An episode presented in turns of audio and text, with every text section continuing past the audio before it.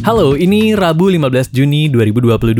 Welcome to Listen Up Podcast. Hari ini kita mau bahas soal Thailand yang udah legalisasi ganja, kisruh panjang India atas isu Islamophobia, and believe it or not, hidup optimis ternyata bisa memperpanjang harapan hidup. Pertama, soal Thailand yang udah legalisasi ganja. Yes, setelah resmi dilegalkan minggu kemarin, warga Thailand excited banget untuk daftar nanam ganja sendiri di rumahnya. Beneran loh.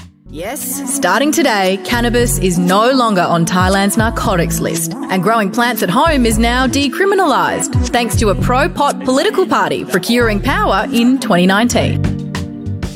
Nah, jadi hype ini bermula sejak awal tahun lalu di mana masyarakat Thailand itu dibikin mixed feeling sama keputusan otoritas Food and Drugs Administration atau semacam BPOM kalau di Indonesia yang nge-kick out ganja dari list jenis narkotika di negara mereka. That being said, warga Thailand udah dikasih lampu hijau untuk mengembangkan ganja, termasuk nanam sendiri ganja di rumah. Yes, pemerintah Thailand bilangnya dengan melegalkan ganja untuk ditanam di rumah-rumah warga, harapannya adalah masyarakat bisa membantu mengembangkan perdagangan ganja lokal plus bisa meningkatkan sektor pertanian dan pariwisata di sana. Tapi, pemerintahnya juga nggak serta-merta membebaskan gitu aja warganya nanamin ganja ini guys. Mereka tetap harus ngajuin license dulu ke websitenya Food and Administration Thailand. Nah, setelah license-nya issued, baru deh mereka secara legal bisa menanam ganja di rumah mereka sendiri. Nah, hal ini yang terjadi kemarin di mana warga berbondong-bondong masuk ke websitenya plugganjaweb.fda.mov.go.th. Panjang amat ya. Dan udah ada sebanyak 22,8 juta orang yang melakukan registrasi sebagai calon penanam ganja di website tersebut. Terus, per hari Jumat lalu udah sebanyak 300 ribu license yang berhasil issued oleh FDA Thailand. Approvalnya sendiri itu bakal berdasarkan dari alasan mereka kenapa mau nanam ganja. Adapun alasan yang di-approve sama mereka adalah untuk meningkatkan kesehatan, dijadikan obat tradisional, serta tujuan komersil dan industri. The level of THC, the main psychoactive component of cannabis, must be under 0.2%. Growers may not have more than six plants, and recreational use will still technically be forbidden. Thailand's hoping this will boost its wellness and tourism industries, with the plants to be used for health, research, and even cooking, bringing new meaning to getting baked. Selain itu, ya tetap nggak boleh guys. Aturan yang ditetapkan tetap nggak memperbolehkan ganja dipakai untuk nge-high, aka diisap dan kalau dilanggar tetap ada sanksi pidana yang mengikat. And of course, when it comes to sanksi pidana yang melanggar hukum akan dihukum penjara guys. For context, zat utama di ganja kalau dikonsumsi lebih dari 0,2% masih nggak boleh karena jatuhnya udah buat rekreasional ya guys. Ingat, pelegalan ganja ini hanya untuk pengobatan dan industri aja. Wait, wait, wait until you hear this. Legalisasi ganja ini juga nggak berarti ganjanya bisa dipakai ke manusia, tapi ke ayam juga. Di Thailand, peternak ayam bisa ngasih makan ayamnya ganja dengan tujuan biar ayamnya bisa makan makanan organik dan supaya kualitas daging dan telur ayam itu juga bisa meningkat. Disampaikan oleh Presiden Komunitas Pet Lana Sirin Chamtet. Pemberian pakan ganja ke ayam responnya lebih positif so far. Selain itu, ganja juga lebih preferable buat para peternak dibanding suntik antibiotik. Karena ternyata ganja itu bisa menaikkan imun si ayam, guys. Pokoknya lebih efektif daripada dikasih obat-obatan kimia. By the way, Thailand adalah negara pertama di Asia yang melegalkan penggunaan ganja untuk kebutuhan medis dan industri. Plus, negara pertama di Asia yang juga ngebolehin warganya mengembangkan ganja di rumah sendiri. Tapi, biarpun ganja udah legal, nyebat aka ngerokok di tempat umum tetap dilarang guys. Dan kalau masih dilanggar, sama kayak penggunaan ganja buat nge-high tadi, ada sanksi pidana yang mengikat mereka, yaitu hukuman penjara 3 bulan dan denda 25.000 THB atau sekitar 10,5 juta rupiah. Oke, okay, yang kedua, soal kisruh panjang India soal Islamophobia. We've been paying our house uh, tax for around 20 years and not once have we received any intimation by any uh, development authorities of Allahabad that are house is illegal. इनके दो जो, दो इसमें शामिल थे इस तरह के प्रदर्शन में। उनकी दो अवैध प्रॉपर्टी पाई गई थी, बिना नक्शे के मकान बनाया बनाना पाया गया था। उसमें नगर निगम और पुलिस प्रशासन की संयुक्त टीम ने उसको भी बुलडोज किया है। इन पे हम एनएसए की भी कार्रवाई करेंगे। लगातार इसमें जो भी शामिल हैं, हम उन पे कार्रवाई हमारी जारी है। Iya guys, parah banget deh.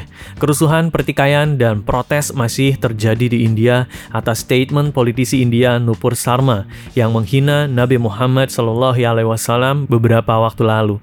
Saking parahnya, pihak berwajib sampai harus ngancurin rumah-rumah warga yang protes turun ke jalan. Here's some background for you.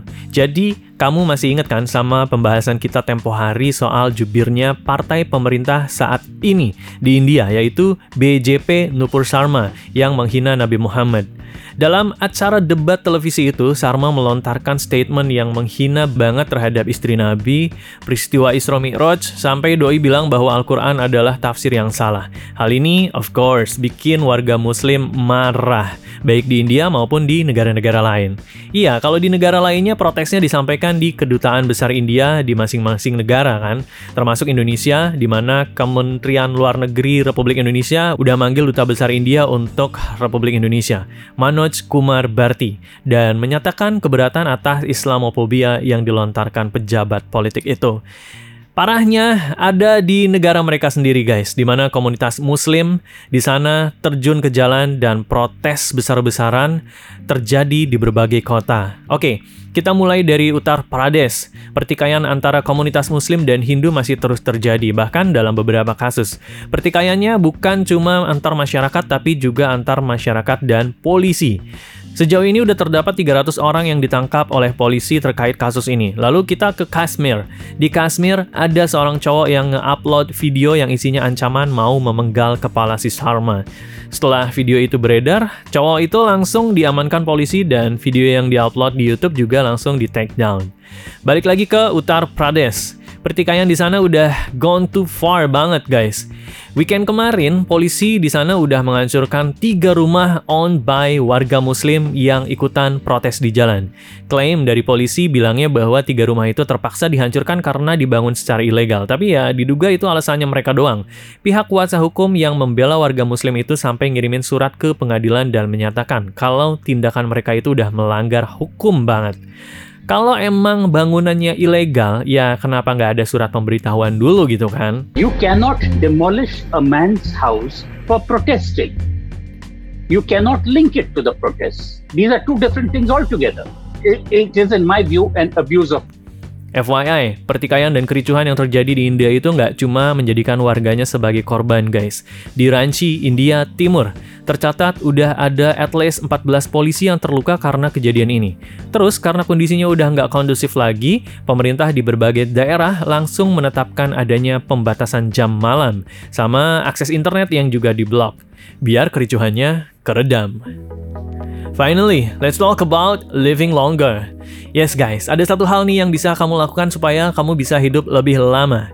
Dan no no, we are not talking about makan sehat, rajin maraton atau yang lain-lainnya, tapi be optimistic. Yes, riset terbaru yang dilakukan oleh Harvard T.H. Chan School of Public Health menemukan bahwa emang sikap optimis itu bisa memperpanjang harapan hidup. Dijelaskan oleh peneliti utamanya yaitu Hayami Koga.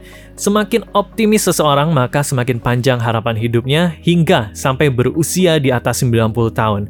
Adapun hal ini ditemukan dari hasil penelitian atas sekitar 160 ribu orang dengan latar belakang dan ras yang berbeda. Hal ini juga mendukung data yang ditemukan oleh penelitian sebelumnya di tahun 2019 yang menemukan bahwa cewek maupun cowok dengan tingkat optimisme tinggi memiliki 11% sampai 15% harapan hidup yang lebih tinggi daripada mereka yang hidupnya kurang optimis. Selain itu, orang yang optimis juga memiliki harapan hidup rata-rata hingga usia 85 tahun atau lebih.